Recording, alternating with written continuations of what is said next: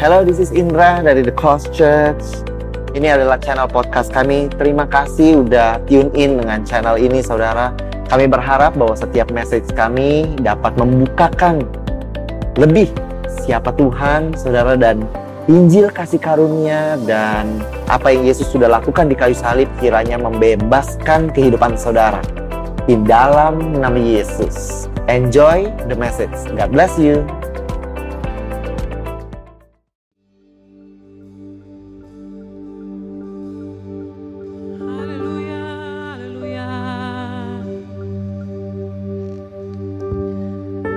Galatia 5 ayat 13. Supaya kamu sungguh-sungguh merdeka.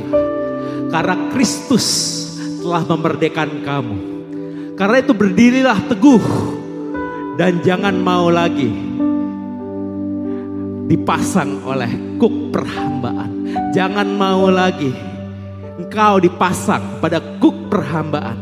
Jangan mau lagi engkau terikat oleh kuk perhambaan.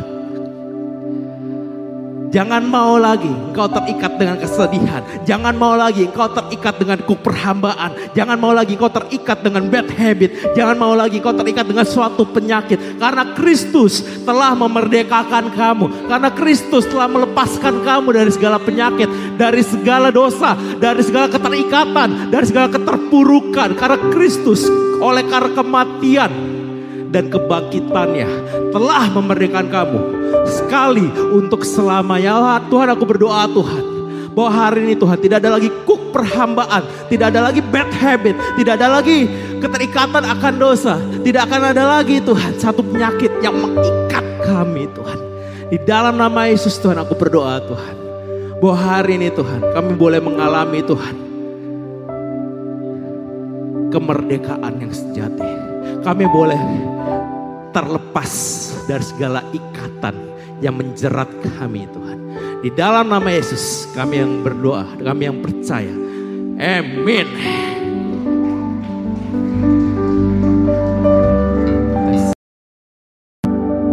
So, silakan duduk saudara. How are you?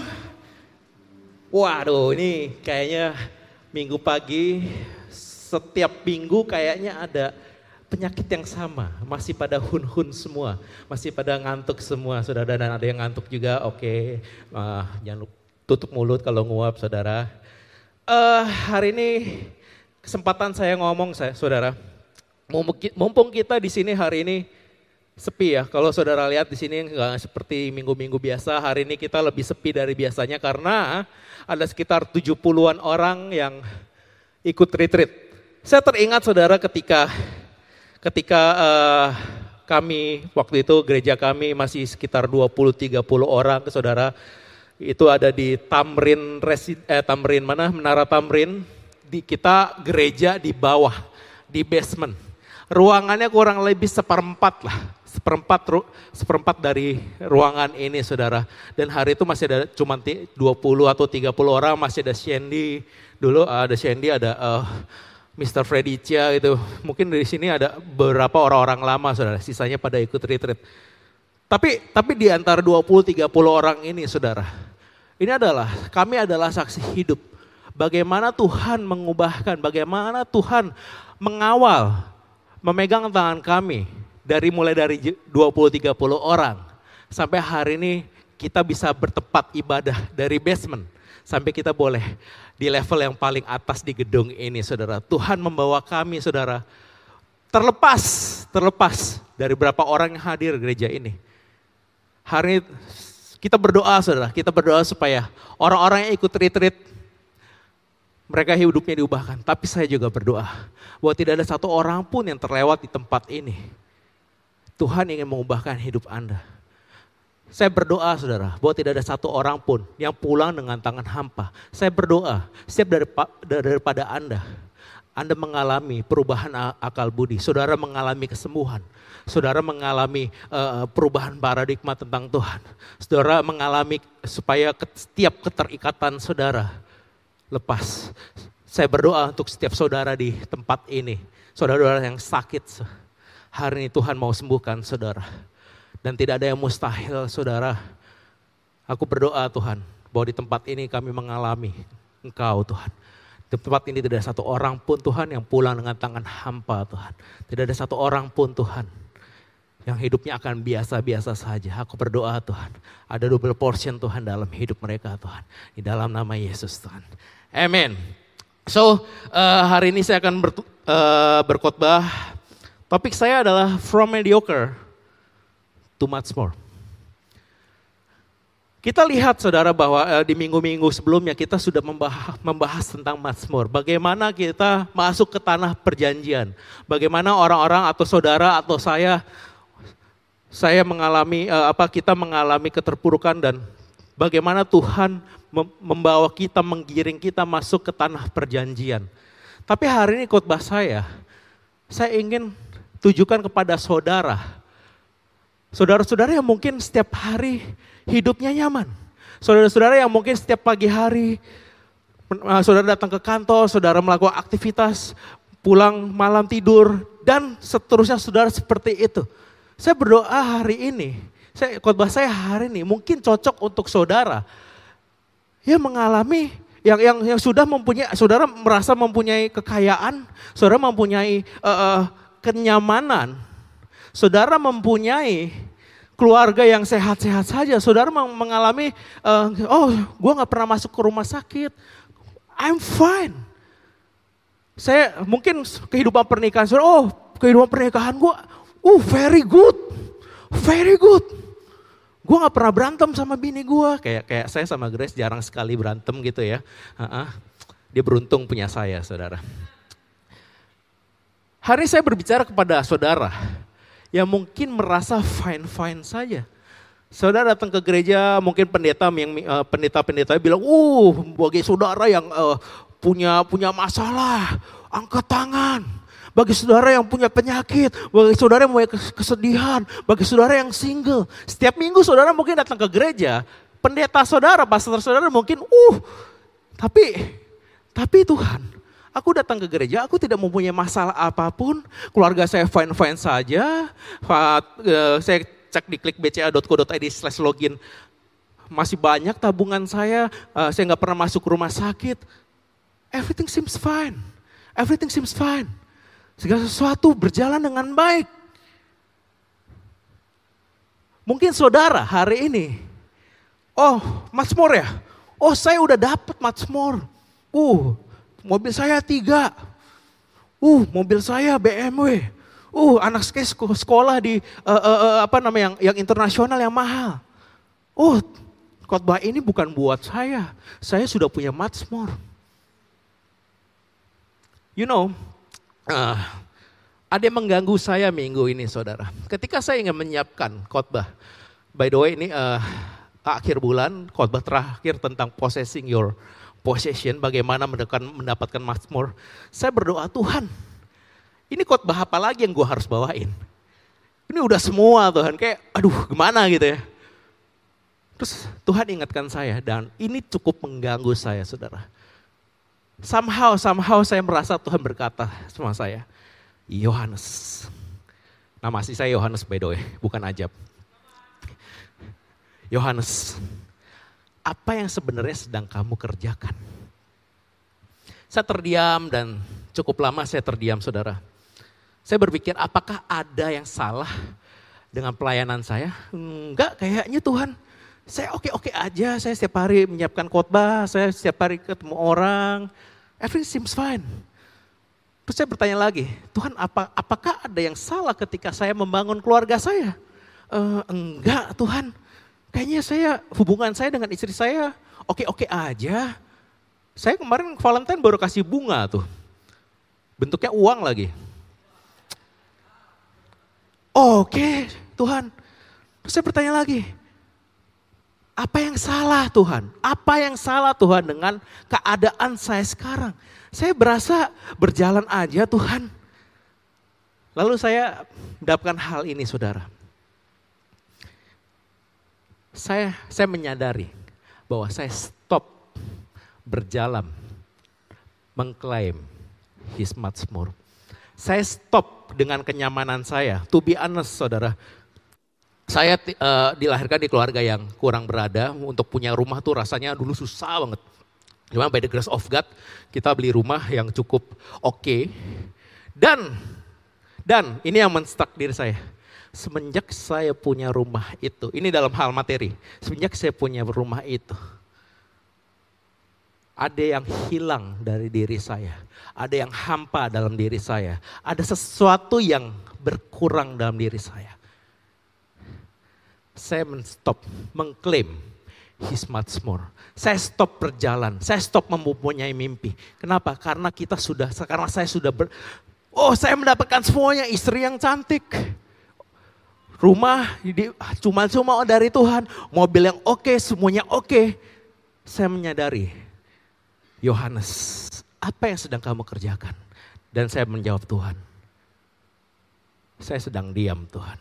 To be honest, saya sedang diam dan saya tidak berjalan mengklaim apa yang seharusnya Tuhan telah sediakan. Saya pikir, oh saya sudah dapat semuanya, saya sudah dapat Mazmur, saya sudah sudah sudah terlalu nyaman.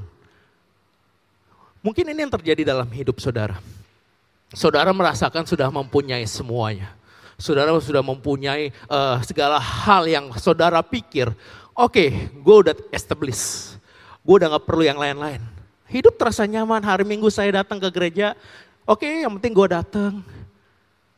Guys, rest, kita sudah belajar rest, bagaimana how to rest minggu-minggu ini, bulan-bulan ini. Tapi rest is not stop walking. Bangsa Israel pada saat itu mereka sudah mempunyai uh, apa namanya dapat dapat roti mana dan burung puyuh setiap hari. Mereka 40 tahun mereka stop walking. Mereka stop untuk mengklaim his mazmur di tanah perjanjian. Rest is not stop walking, saudara. Kita hari ini belajar, saudara, dari dari satu nabi, saudara. Uh, sorry sebelumnya. Kita sering merasa puas di mana Tuhan tempatkan diri kita sekarang. Shandy mungkin engkau puas hari ini dengan perusahaan uh, uh, kurir eh kurir apa uh, ya itulah pokoknya ekspedisi sorry kurir. Jos mungkin kau puas dengan co-working space uh, apa namanya konkret. Oke saya dibayar by the way untuk uh, iklan di atas panggung kayak kalau saudara punya bisnis just kidding. Tapi Tuhan tidak mau engkau stop. Tuhan mau membawa engkau lebih lagi. Sandy, Tuhan mungkin hari ini engkau mau membawa engkau lebih dari perusahaanmu. Apa yang kau punya sekarang. Tapi sering daripada kita, kita stop. Karena kita pikir, kita sudah mempunyai semua. Your, your now enough is the limitation of his much more. Apa yang kau punya sekarang, apa yang kau pikir cukup untuk hari ini adalah limitation, adalah batasan dari apa yang seharusnya Tuhan ingin berikan kepadamu. So hari ini kita akan belajar dari seorang nabi, yaitu Elisa, saudara. Kita akan belajar hari ini. Uh, saya ingin bacakan di satu raja, raja ayat 19 sampai 21. Setelah Elia pergi dari sana, ia bertemu dengan Elisa bin Safat yang sedang garis bawahi membajak dengan 12 pasang lembu. Sedang ia sendiri mengemudikan yang ke-12. Ketika ia lalu dari dekatnya, ia melemparkan garis bawahi, melemparkan jubahnya kepadanya. Saya ingin garis bawahi membajak dengan 12 pasang lembu. 12 pasang lembu menandakan bahwa Elisa bukanlah orang yang miskin. 12 pasang lembu berarti kali dua. 24 lembu pada saat itu menandakan bahwa Elisa sudah mempunyai hal yang membuat dia nyaman. 12 pasang lembu menandakan bahwa Elia mempunyai status sosial yang cukup tinggi pada saat itu. Sedang ia mengendarai eh apa mengemudikan yang ke-12. Dia sendiri mengemudikan yang ke-12 salah satu dari pasangan uh, lembu itu. Yang which is yang berarti Elias sanggup membayar orang untuk ke sebelas pasang lembu yang lain. Setiap hari dia lakukan hal ini. Pagi hari dia buka mata, dia memasang yok kepada lembunya, dia membajak. Dia beristirahat siang hari mungkin makan siang, lalu dia membuka yok dan dia tidur kembali. Keesokan harinya dia buka mata lagi, dia datang ke lembunya, dia pasang yok. Dia mengendarai lembunya dalam bajak uh, untuk membajak sawah. Istirahat dia siang, sore dia istirahat dan malam dia tidur. Dan seterusnya setiap hari dia melakukan seperti ini. Mungkin daripada kita, kita kita let's say kita mempunyai toko saudara, kita buka mata lihat istri kita, oh istri kita cantik, uh, lalu kita siap-siap mandi dan segala macam, lalu kita membuka toko kita, kita menyiapkan toko kita, menyiapkan karyawan kita, oh melayani customer, sore kita tutup, malam kita tidur. Dan setiap hari kita melakukan hal-hal seperti itu. Mungkin saudara yang hari ini melayani, Saudara melayani hari Minggu datang pagi jam jam jam 6 atau jam setengah 7 saudara bangun datang sampai sini jam setengah 9. Saudara main gitar atau apa pun, mungkin saudara asyir, saudara salamin orang. Setiap minggu saudara melakukan hal yang sama. Dan hal itu membuat kita cukup. Membuat kita cukup. Oke Tuhan, cukup. Saya senang. Saya cukup melakukan hal ini tapi apa yang Elia lakukan? Tapi apa yang, eh sorry, apa yang Elisa lakukan? Lalu Elia, sebelumnya, uh, ketika Elia lalu dari dekatnya, ketika Elia dan di sini ada Elisa berjalan, dia melemparkan jubahnya kepadanya. Perhatikan hal ini baik-baik jubah yang dipakai oleh Elia adalah lambang dari mukjizat, adalah lambang di mana Tuhan hinggap di dalam diri Elia. Jubah ini adalah melambangkan bagaimana kuasa Tuhan mengalir dalam diri Elia. Dan Elia melepaskan jubah ini dan memberikan dan melemparkan jubah ini kepada Elisa. Oke, perhatikan baik-baik, perhatikan baik-baik. Apa arti jubah? Apa jubah dalam bahasa aslinya, dalam bahasa Ibrani? Jubah atau mantel dalam bahasa Ibrani disebut juga dengan adert, adert. Oke, dalam bahasa Ibrani adalah adert. Yang artinya mempunyai dua arti, saudara. To be greater.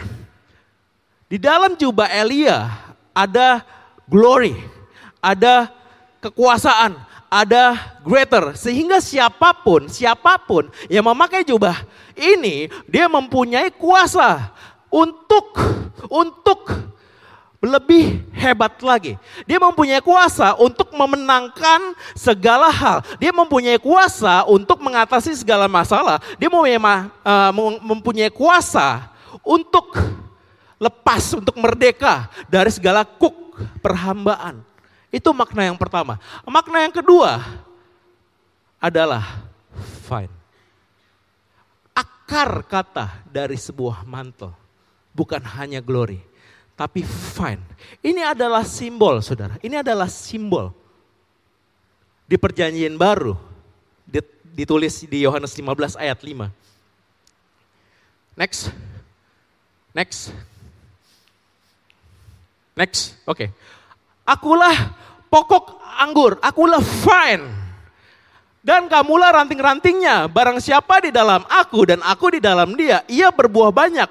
Sebab di luar aku kamu tidak dapat berbuat apa-apa. Mantel yang dipakai oleh Elia adalah pokok anggur di perjanjian baru yang which is ketika Yesus berkata kepada saudara, akulah pokok anggur. Saudara mempunyai mantel tersebut, saudara mempunyai jubah tersebut yang mem, di mana pada saat saudara mem, memakai jubah tersebut, saudara mempunyai kuasa untuk mematahkan segala kuk perhambaan. Saudara mempunyai kuasa untuk mematahkan segala penyakit. Saudara mempunyai kuasa untuk mengklaim his much more. Elia karena dia memiliki fine itu, memiliki jubah itu, dia sanggup melakukan banyak hal. Dia sanggup melakukan banyak mukjizat. Dia sanggup membawa lima, lima, menghanguskan 50 orang nabi palsu. Oleh karena apa? Dia mempunyai kuasa. And what's this saudara? Dalam perjanjian baru saudara, saudara tahu, dia sorry dalam perjanjian lama, saudara tahu terbuat dari apakah mantel itu? Terbuat dari kulit domba.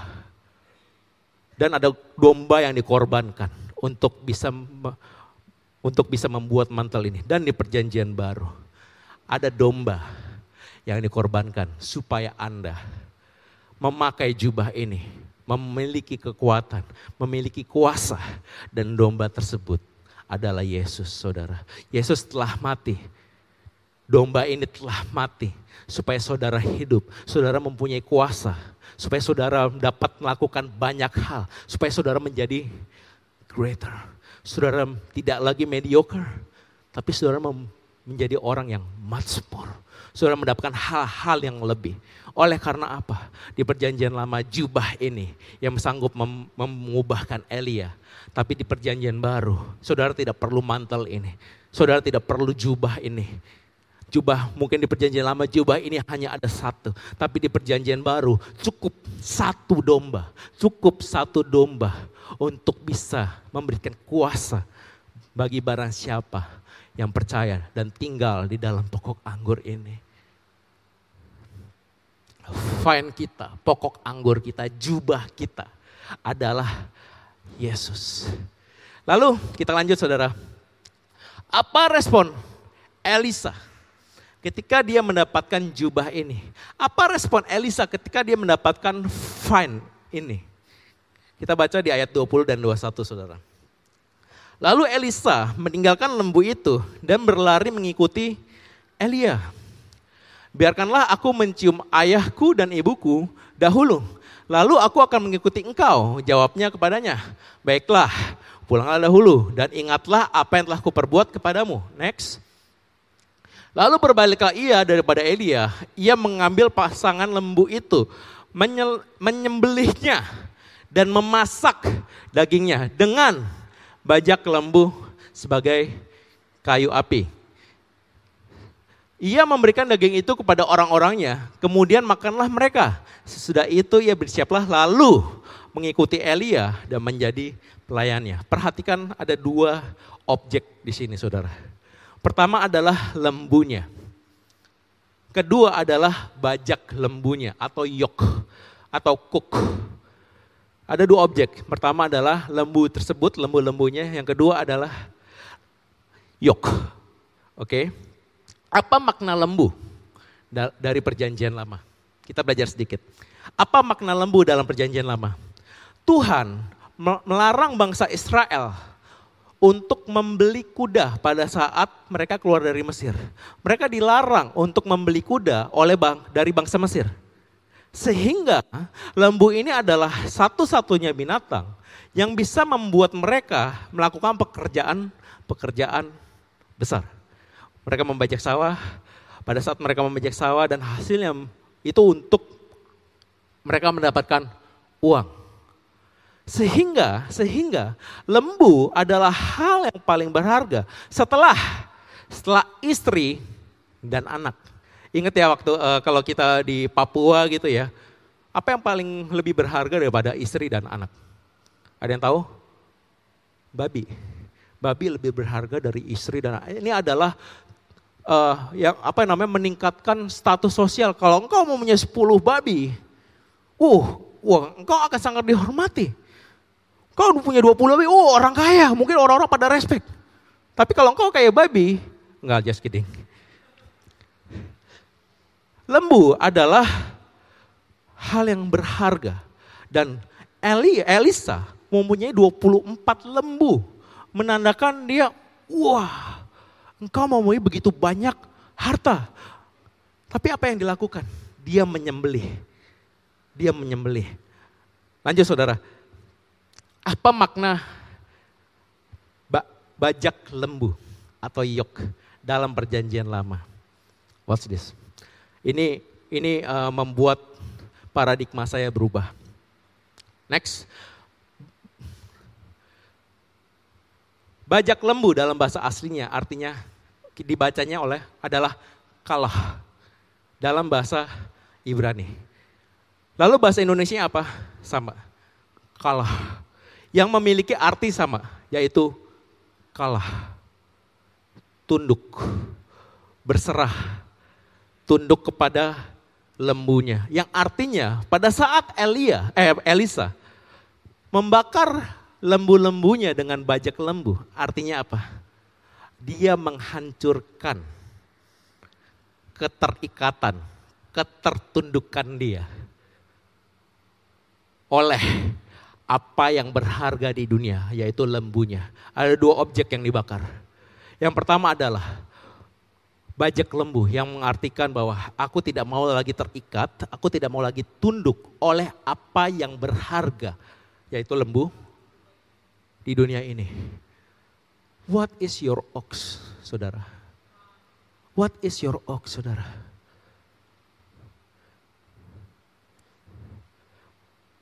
Ayat ini familiar gak saudara? Kalau saudara lihat di perjanjian baru, kita ke perjanjian baru saudara. Di Matius 13 ayat 44. Hal kerajaan surga itu seumpama harta yang terpendam di ladang. Oke.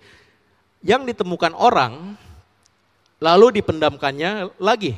Oleh sebab sukacitanya, pergilah ia menjual seluruh miliknya. Seluruh miliknya artinya apa yang sama dengan apa yang dilakukan Elisa. Dia membakar lembu-lembunya, dia memasak lembu-lembunya. Lalu membeli ladang itu. Di perjanjian di perjanjian baru ini di Matius 13 ini melambangkan apa yang telah Elisa lakukan. Dia menjual segala miliknya karena dia tahu ada yang lebih berharga. Ada yang lebih berharga dari tokonya ada yang lebih berharga dari pekerjaannya. Ada yang lebih berharga dari posisinya. Ada yang lebih berharga dari hobinya. Ada yang lebih berharga dari istrinya. Oh enggak, yang itu yang itu salah saudara. Enggak ada yang lebih berharga dari just kidding. Elisa mengetahui hal ini sehingga dia tidak sungkan, dia tidak ragu-ragu pada saat dia membakar lembunya, membakar bajak bajak lembunya.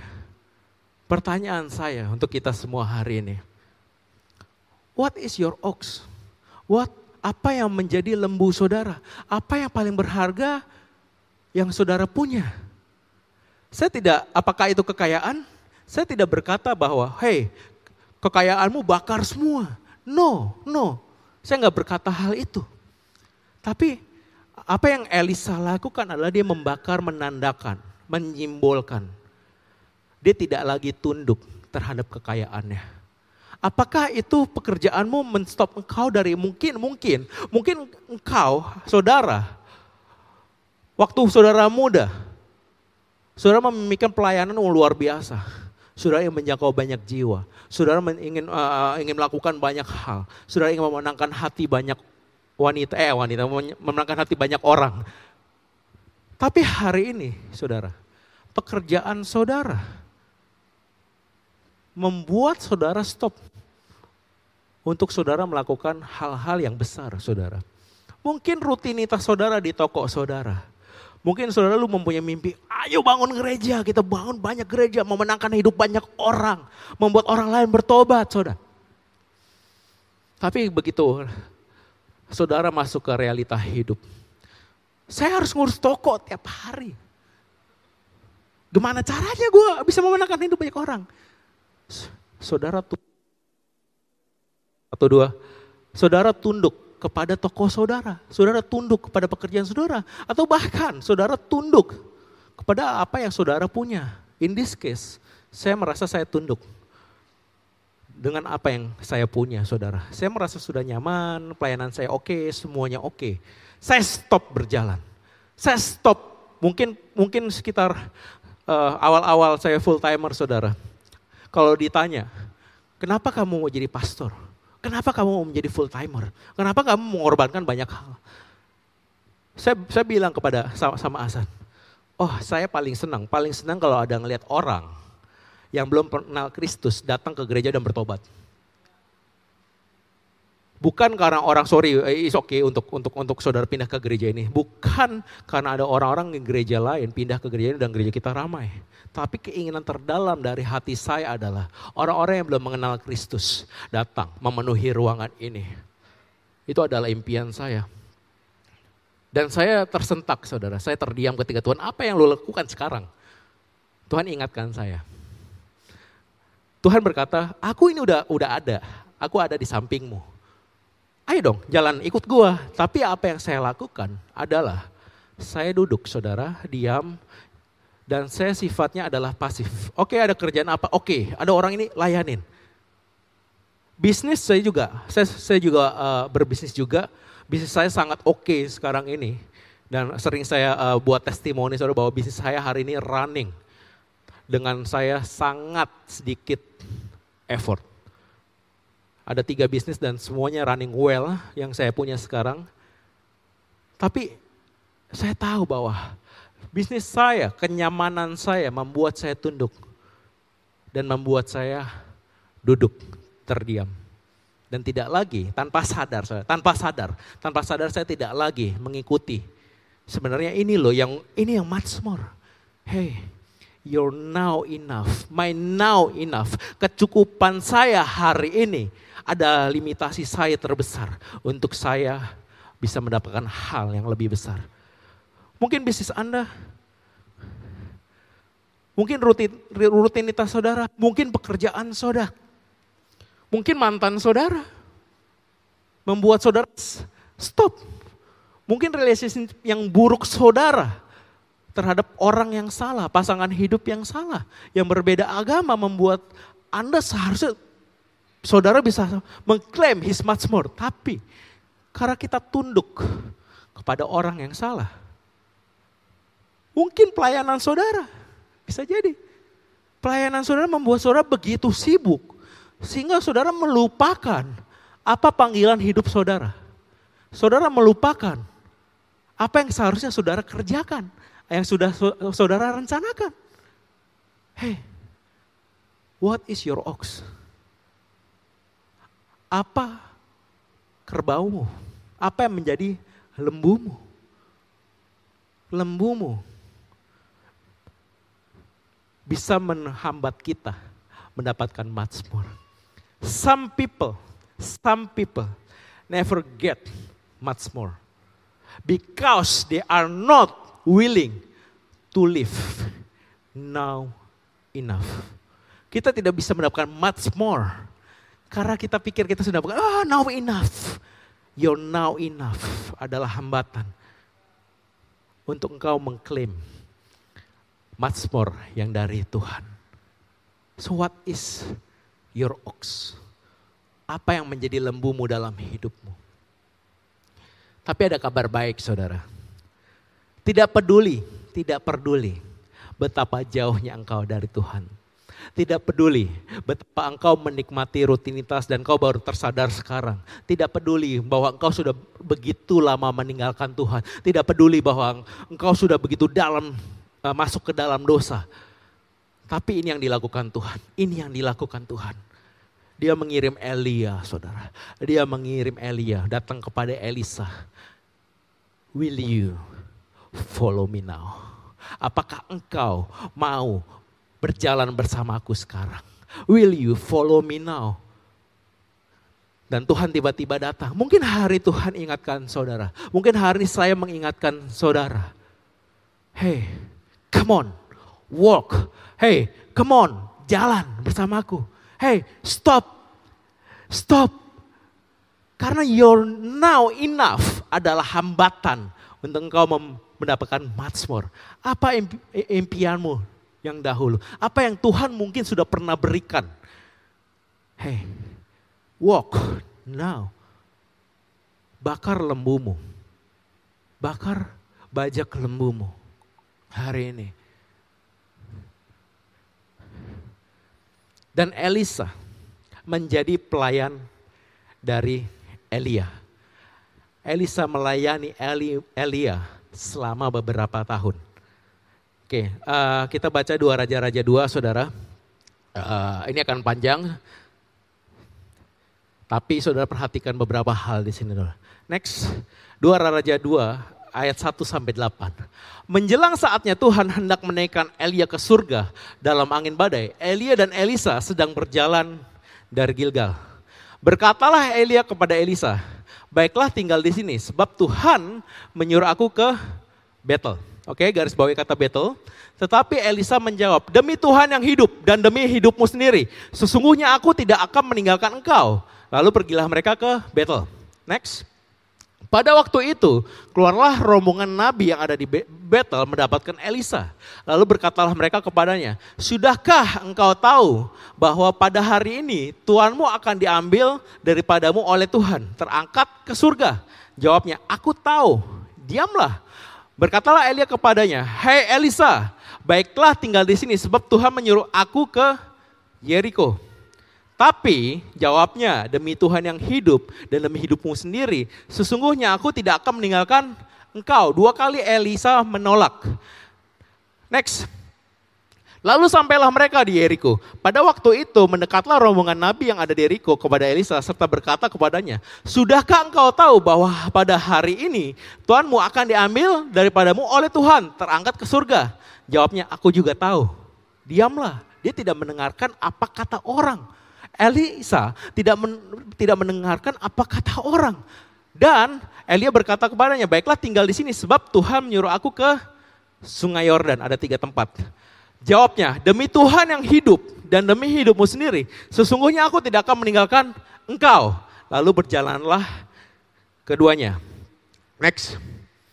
50 orang dari rombongan Nabi itu ikut berjalan, tetapi mereka berdiri, memandang dari jauh. Ketika keduanya berdiri di tepi sungai Yordan, lalu Elia mengambil jubahnya, digulungnya, dipukulkannya ke atas air itu. Maka terbagilah air itu ke sebelah sini dan ke sebelah sana. Sehingga menyeberanglah keduanya dengan berjalan di tanah yang kering. Ada ada dua hal yang saya mau bagikan kepada saudara. Hal pertama mungkin ini kita akan belok sedikit saudara. Ini bukan main point yang saya ingin bagikan kepada saudara. Ada tiga kali Elisa menolak untuk dia meninggalkan Elia. Ini menandakan apa? Apa yang kita bisa pelajari dari Elisa di sini? Dia sudah komit, dia sudah bilang kepada aku akan mengikuti engkau ke mana pun engkau pergi. Dan tiga kali Elisa menolak. Pada saat Eli bilang, kau tinggal di sini. Elisa is a good servant. Elisa adalah pelayan yang baik. Apa yang kita bisa pelajari adalah, if you want to be a leader, kalau engkau ingin menjadi seorang pemimpin, try to be a first. Try to be a humble servant first. Kalau engkau ingin menjadi seorang yang hebat, kalau engkau ingin menjadi uh, pemimpin yang baik, hey, Jadilah orang yang humble, jadilah pelayan yang humble. Jika, jika engkau hari ini menjadi seorang sisi leader dan engkau ingin, oh gue pengen supaya anak-anak gue berubah hidupnya. Hey, try to be a humble servant first. Jika engkau ingin mempunyai bisnis yang besar, hey, jadilah hamba yang baik bagi customermu. Bilang kau ingin menjadi seorang pengkhotbah, hey, jadilah orang yang humble dulu kepada pemimpinmu. Hari ini saudara setiap kali saya khotbah saudara, uh, bukan saya bukan saya sedang meninggikan diri saudara. Tapi hari sebelum saya khotbah, saya bilang, son, this is my preaching for tomorrow. Dari kurang lebih tiga atau empat tahun yang lalu saudara, saya selalu melakukan hal ini. Apa yang bisa ku perbaiki dari setiap khotbah? Saya selalu menanyakan setiap kali saya habis khotbah. Dear minister, dia pelayan Tuhan hari ini. Saudara hari ini pelayan Tuhan. Be a humble servant. Tanya kepada pemimpin saudara, apa yang bisa saya improve hari ini? Apa yang saudara bisa improve as a usher? Apa yang saudara bisa improve kalau saudara hari megang sound system? Apa yang saudara bisa improve kalau saudara hari sisi leader? Tanya kepada pemimpin saudara. Oke, kita kembali lagi ke poin utama saudara. Kembali ke topik ya saudara. Perhatikan, ada tiga tempat di sini. Yang pertama adalah Betel, yang kedua adalah Jericho, yang ketiga adalah Sungai Yordan. Boleh saya uh, undang Stella atau uh, siapa namanya? Ya, Stella. Bethel mempunyai arti saudara. House of God. Di Bethel ada sebuah seminari, ada sebuah seminari. Dan Elia adalah pemimpin dari seminari tersebut. Elia memimpin seminari tersebut. The College of Prophet. Jadi ada begitu banyak nabi. That's why mereka berjalan pertama ke Bethel. Supaya Elia bisa say goodbye kepada uh, murid-muridnya. Kedua adalah Jericho. Jericho adalah melambangkan the first fruit. Buah pertama ketika bangsa Israel masuk ke tanah perjanjian dan Jericho adalah kota pertama yang mereka bisa rebut, yang mereka bisa conquer. Yang ketiga saudara, Jordan. Jordan. Jordan, sungai Jordan mempunyai dua arti. Dua arti yang bertolak belakang.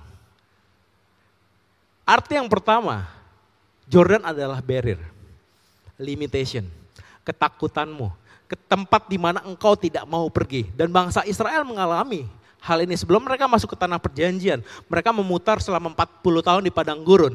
Karena mereka tidak mau menginjakkan kakinya ke sungai Yordan. Kenapa? Karena di, di, di samping sungai Yordan ada begitu banyak musuh, ada begitu banyak raksasa, ada kota-kota yang besar, kota-kota yang berkubu. Sehingga mereka tidak mau menginjakan kaki ke dalam sungai Yordan, ke, ke sisi kiri dan sisi kanan sungai Yordan. Hal ini mengapa? Karena sungai Yordan melambangkan limitation, melambangkan barrier, penghalang besar untuk kau masuk ke tanah perjanjian. Tapi arti yang kedua, saudara, arti yang kedua. Sungai Yordan mempunyai arti, bring down the strength of man. And step under God's grace. Sungai Yordan melambangkan sebuah barrier atau hal Bangsa Israel menganggap Sungai Yordan adalah limit. Sehingga mereka tidak mau lagi merebut Jericho. Musuh-musuh Israel tinggal di sepanjang Sungai Yordan. Raksasa tinggal di sepanjang Sungai Yordan. What is your Jordan? Apa yang menjadi limitationmu hari ini? Tetapi, tetapi Sungai Yordan adalah sebuah awal, adalah sebuah turning point, adalah sebuah titik di mana Tuhan membalikan segala ketakutan engkau, di mana Tuhan membalikan segala limitation, di mana Tuhan membuat apa yang menjadi kelemahanmu menjadi turning point sehingga engkau melakukan apa yang engkau anggap mustahil. Sungai Yordan, tempat di mana Tuhan pertama kali dibaptis, di tempat di mana pertama kali Yesus dibaptis dan menerima Roh Kudus dan Tuhan Allah Bapa berkata, "Inilah anakku yang kukasih." Di mana? Di Sungai Yordan. Di Sungai Yordan, tempat di mana para uh, bangsa Israel mau masuk ke kota Yeriko, mereka membawa tabut perjanjian Tuhan dan air-airnya ketika para para pembawa tabut perjanjian Tuhan ini, air-air dari Sungai Yordan tidak mengenai kaki dari para pembawa tabut perjanjian, which is Tuhan tidak dibatasi oleh sungai Yordan. Tuhan tidak dibatasi oleh your barrier. Tuhan tidak dibatasi oleh your limitation. Bahkan apa yang menjadi limitation bagi orang-orang Israel, Tuhan membalikannya. Tuhan mengklaim bahwa begitu banyak kejadian di sungai Yordan. Sungai Yordan adalah tempat di mana less of us, but more than him. Hei, Tuhan, Tuhan bisa menjadikan your weakness, Tuhan bisa menjadikan your limitation menjadi sebuah kemenangan. Your limitation is God's greatest opportunity. Apa yang menjadi ketakutanmu? Apa yang menjadi your limitation? Apakah engkau tidak bisa pada saat engkau menjadi si leader engkau berkata, aku tidak bisa khotbah. Hei, Tuhan bisa membuat kegagapanmu. Tuhan bisa membuat apa yang kau tidak sanggup menjadi turning point. What is your Jordan? Hei, mungkin kau hari ini tidak berpengalaman, kau melamar kerja, tapi kau takut. Tapi Tuhan berkata, hei, di dalam sungai Jordan, aku membaptis begitu banyak orang. Petrus membaptis begitu banyak orang. Yohanes pembaptis membaptis Yesus dan di situlah mulai mulai pertama kali, turning point pertama kali, titik awal pertama kali, sebuah Mazmur. Kenapa eh, kenapa Elia membawa Elisa ke Bethel dan ke ke Jericho? Bethel dan Jericho adalah buah. Jericho adalah buah pertama, Bethel adalah buah Pada, kalau bangsa Israel tidak masuk ke tanah perjanjian, tidak ada akan ada Jericho. Kalau bangsa Israel tidak masuk ke tanah perjanjian, tidak tidak akan ada battle. Kalau tidak ada battle, tidak ada Elia. Kalau tidak ada battle, tidak ada Elisa. Kalau tidak ada battle, tidak ada College of Prophets. Kalau tidak ada battle, mungkin hari ini kita tidak mengenal Tuhan. Dimulai dari mana, saudara? Dari sungai Yordan. Dimulai dari mana? Your limitation. Dimulai dari mana? Tempat di mana engkau takut. Di tempat di mana engkau tidak berani engkau berdiri. It start from a place called Jordan. Tempat di mana ketakutanmu. Tempat di mana kau rasa engkau tidak sanggup. That's why Tuhan banyak memberikan mukjizat di Jordan. Jordan Tuhan jadikan tempat yang legendary. Tuhan membawa Elisa dan Elia ke Jordan, tempat yang harusnya terkutuk, tempat yang seharusnya bangsa Israel mereka akan dibantai, mereka pikir mereka akan dibantai, menjadi tempat awal kemenangan. Karena pada saat kita masuk kepada tempat yang kita takut, kepada tempat yang kita pikir kita tidak bisa, tempat ini menjadikan diri kita less of us, more with him. Less of us, more of him, saudara. What is your Jordan, saudara? Apakah ketakutanmu terhadap financial? Apakah keterbatasanmu karena uh, engkau talenta? Saya, saya ada satu orang saudara, uh, saya udah ceritakan ini dua atau tiga kali di sisi coaching dan ke komsel ada satu orang, dia seorang sisi leader, seorang uh, pemimpin komsel dari Kelapa Gading, saudara. Dua atau tiga tahun, dua tahun yang lalu dia datang uh, karena saya coach dia, saudara. Oh Jap, gue nggak bisa khotbah. Oh Jap, gue nggak bisa eh, nggak uh, bisa apa namanya main musik. Oh Jap, gue cuma bisa organize something. Itu dua tahun yang lalu, saudara. Dan pada saat saya datang ke khotbah dia, eh, ke, ke tempat komsel dia dua tahun yang lalu, dia khotbah, dia sedang khotbah dan dia tidak tahu saya datang. Oh itu keringetan. Keringetan, waduh, dia tiba-tiba ajab ada, waduh takut sekali. Saya dengar khotbahnya dia, ya emang sih jelek gitu ya. Cuman you know what? You know what? Komsel dia hari ini adalah komsel yang paling sehat. Salah satu komsel yang paling sehat. Sebentar lagi multi. Sudah multi, cuma tinggal nunggu tinggal tinggal tunggu uh, yang jadwal yang kita sudah tentukan. Dari seorang yang tidak bisa, yang tidak mempunyai talenta untuk berkhotbah, bermain musik. Apalagi bermain musik, saya tahu benar saudara. Somehow, our limitation adalah kesempatan buat Tuhan untuk membuktikan, hey, aku lebih besar dari engkau. Hei, aku lebih besar dari kegagapanmu dalam berkhotbah. Hei, aku lebih besar dari segala sesuatu yang kau takuti. Hei, aku lebih besar dari segala sesuatu yang kau ragu. Elia berkata, follow me. Elisa melambangkan Tuhan. Elia mengalami, sorry, Elia melambangkan Tuhan. Will you follow me? Don't worry, karena aku mempunyai jubah ini. Aku mempunyai jubah yang, mem, yang mampu memampukan engkau melakukan segala hal. Terutama, terutama di area di mana engkau tidak bisa, di mana area yang engkau tidak sanggup. Don't worry. I will guide you. Will you follow me?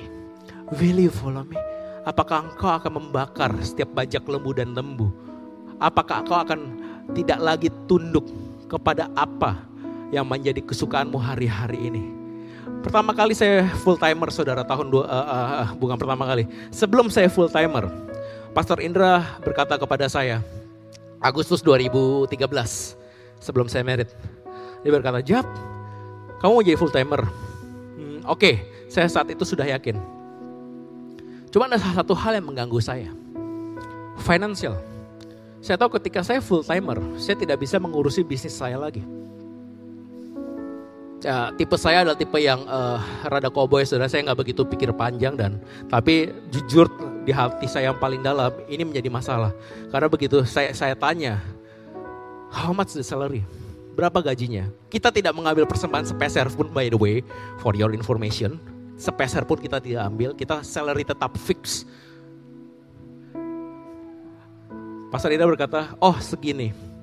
Oh my God, itu sepertiga dari penghasilan saya saat itu. Kalau saya lepaskan bisnis saya, ya udah saya harus mencukupkan diri dengan uang dari gereja. Dan saya nggak begitu pikir panjang saudara, baru setelah, oh iya benar juga, waduh gimana nih ntar gue hidup di sini belum merit segala macam saat itu. Ngumpulin biaya merit gimana, beli rumah gimana, beli mobil gimana. Itu bulan Agustus. Kapan? Kapan San? Saya bilang, oh Januari 2014. Dia bilang, oke saya persiapkan bisnis saya supaya bisa auto running dulu. Saya bilang ke dia. Ternyata saudara, bulan depannya dia datang. Cuk, cuk. Jap, nggak jadi Januari. Kapan? Sekarang. Ya ampun, yang bener aja. Iya udah nggak apa-apa udah sekarang. Oh my gosh, pastor kita emang beriman dan saya tidak pernah menyesal. Saya berkata iya saudara. Saya tidak pernah menyesal. Satu tahun saya hidup mencukupkan diri saya dengan salary yang dari gereja. Setelah itu saya tidak tahu bagaimana caranya. Selama setahun bisnis saya stop saya. Saya tidak urus, saya tidak setahun ini stop. Tahun kedua, semua bisnis saya skyrocketing. Dan saya nggak tahu gimana saya tiba-tiba ada orang yang datang, saya uh, bisnis uh, leader by the way, dan saya punya sudah punya tangan kanan di di di, di pabrik saya dan sampai hari ini, sampai detik ini, saya mungkin ngurusin bisnis saya mungkin sekitar dua minggu atau seminggu sekali. Saya Tuhan yang take over. Dan saya tidak pernah menyesal. Apa yang menjadi ketakutan saya, Tuhan take over. Saya pikir saya hidup dalam kemiskinan saudara.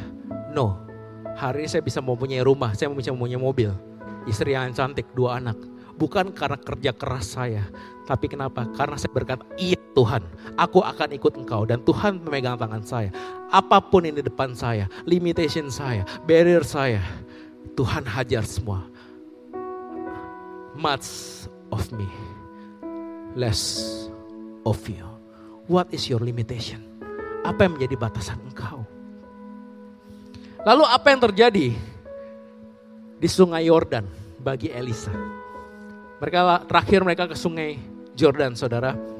Kita baca dua Raja 2 ayat 9. Dan sesudah mereka sampai di seberang, uh, ya berkatalah Elia kepada Elisa, mintalah apa yang hendak kulakukan kepadamu sebelum aku terangkat daripadamu.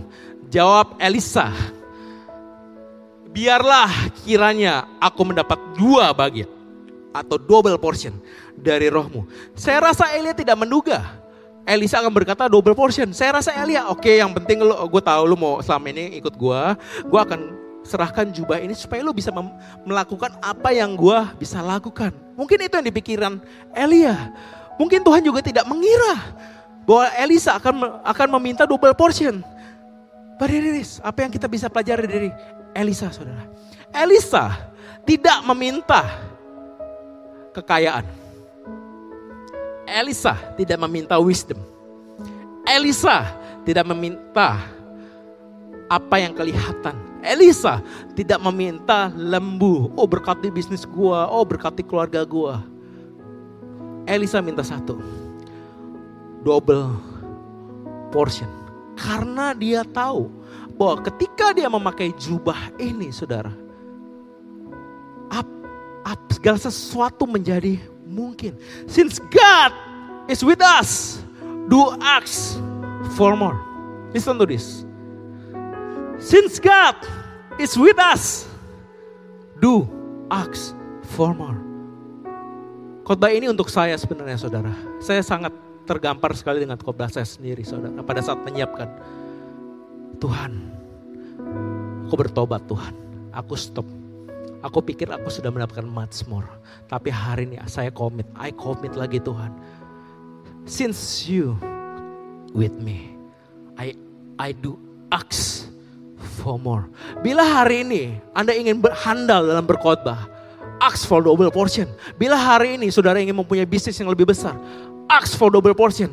Apa yang Anda minta? Roh yang lebih, urapan yang lebih, karena pada saat saudara mempunyai roh Tuhan, karena pada saat saudara mau urapan Tuhan, hey, kekayaan is easy thing.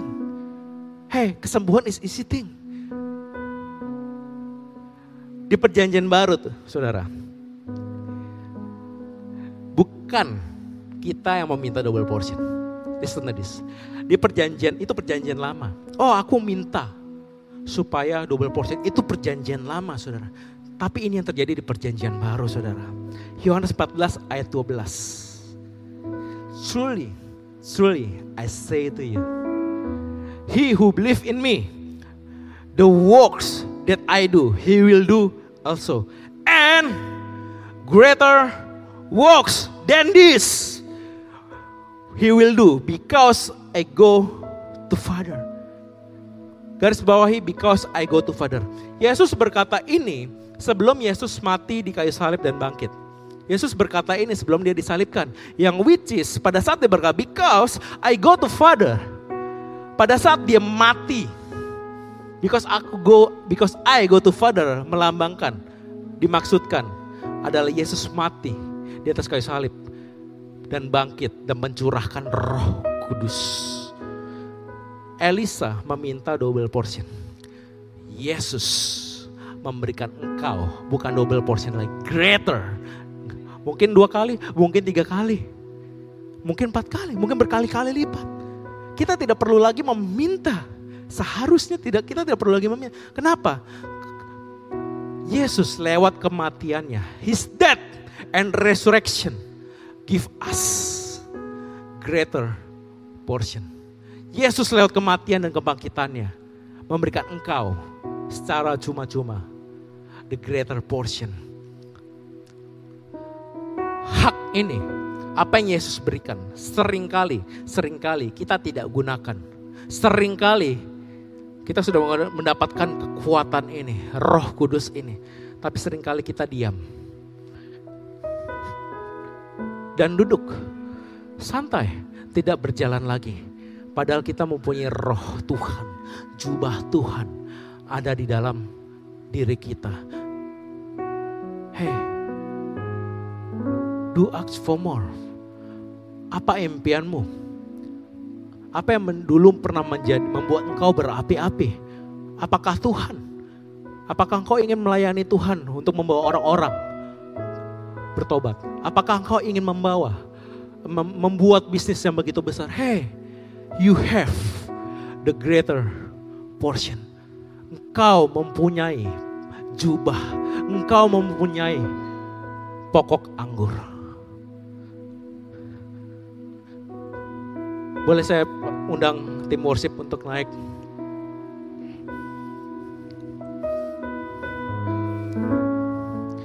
Greater portion yang seperti apa yang Tuhan berikan kepadamu. Saya tutup dengan ini saudara. Galatia 5 ayat 13. Uh, saya bawa dalam bahasa Inggris saudara. Ayat 1 dan 13. Ayat 1, it was for freedom that Christ set us free. Lepas dari segala perhambaan. Therefore keep standing firm and do not be subject again to a yoke of slavery. Flesh atau flesh. Yoke of slavery means your ox, lembumu dan bajak lembumu. Jangan do not be subject again to this. For you were called to freedom, brethren. Only do not turn your freedom, jangan menyalahgunakan kemerdekaanmu itu opportunity for the flesh. But through love serve one another Saudara perhatikan dari kitab kejadian sampai wahyu. Setiap nabi yang berdiri, setiap rasul yang berdiri, bahkan Tuhan Tuhan Yesus sendiri yang berdiri. It's all about serve another. It's all about the nation.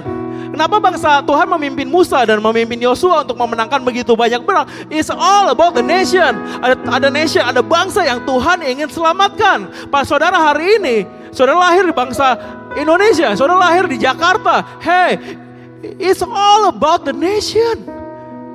It's all about the nation. Pada saat saudara melayani Tuhan, saudara menerima Tuhan, saudara mendapatkan jubah, saudara tinggal di dalam pokok anggur.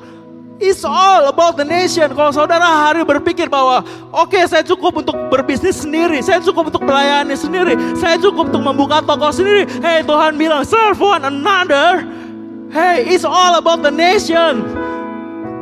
Tidak sia-sia dan tidak kebetulan pada saat ini engkau dilahirkan di Indonesia. Serve the nation, saudara. Serve the nation. Ada begitu banyak orang yang deserve jubah ini. Yang deserve pokok anggur. Begitu banyak orang yang deserve. Yesus, saudara. Tuhan sudah memberikan greater portion. Tuhan mengasihi engkau terlebih dahulu. Dan Tuhan ingin menggandeng tanganmu. Come, follow me. Sama seperti Elisa. Mengikuti Elia. Untuk satu tujuan. For the nation. For serve one another. Boleh saya minta lampu dimatikan dan kita semua bangkit berdiri. Let's worship Him. Let's worship Him.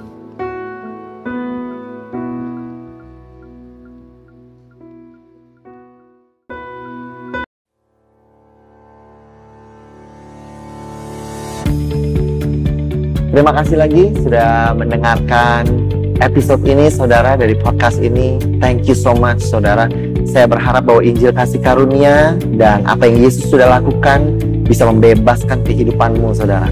Kalau saudara diberkati, saya mengundang saudara untuk share saudara um, sermon ini baik secara pribadi kepada your friends and your family saudara atau you can screenshot dan kau bisa bagikan kepada sosial media saudara dan jadilah terang saudara I hope um, message ini melalui saudara bisa memberkati lebih banyak orang lagi. Dan kalau saudara diberkati saya mengundang saudara untuk subscribe kepada channel podcast ini.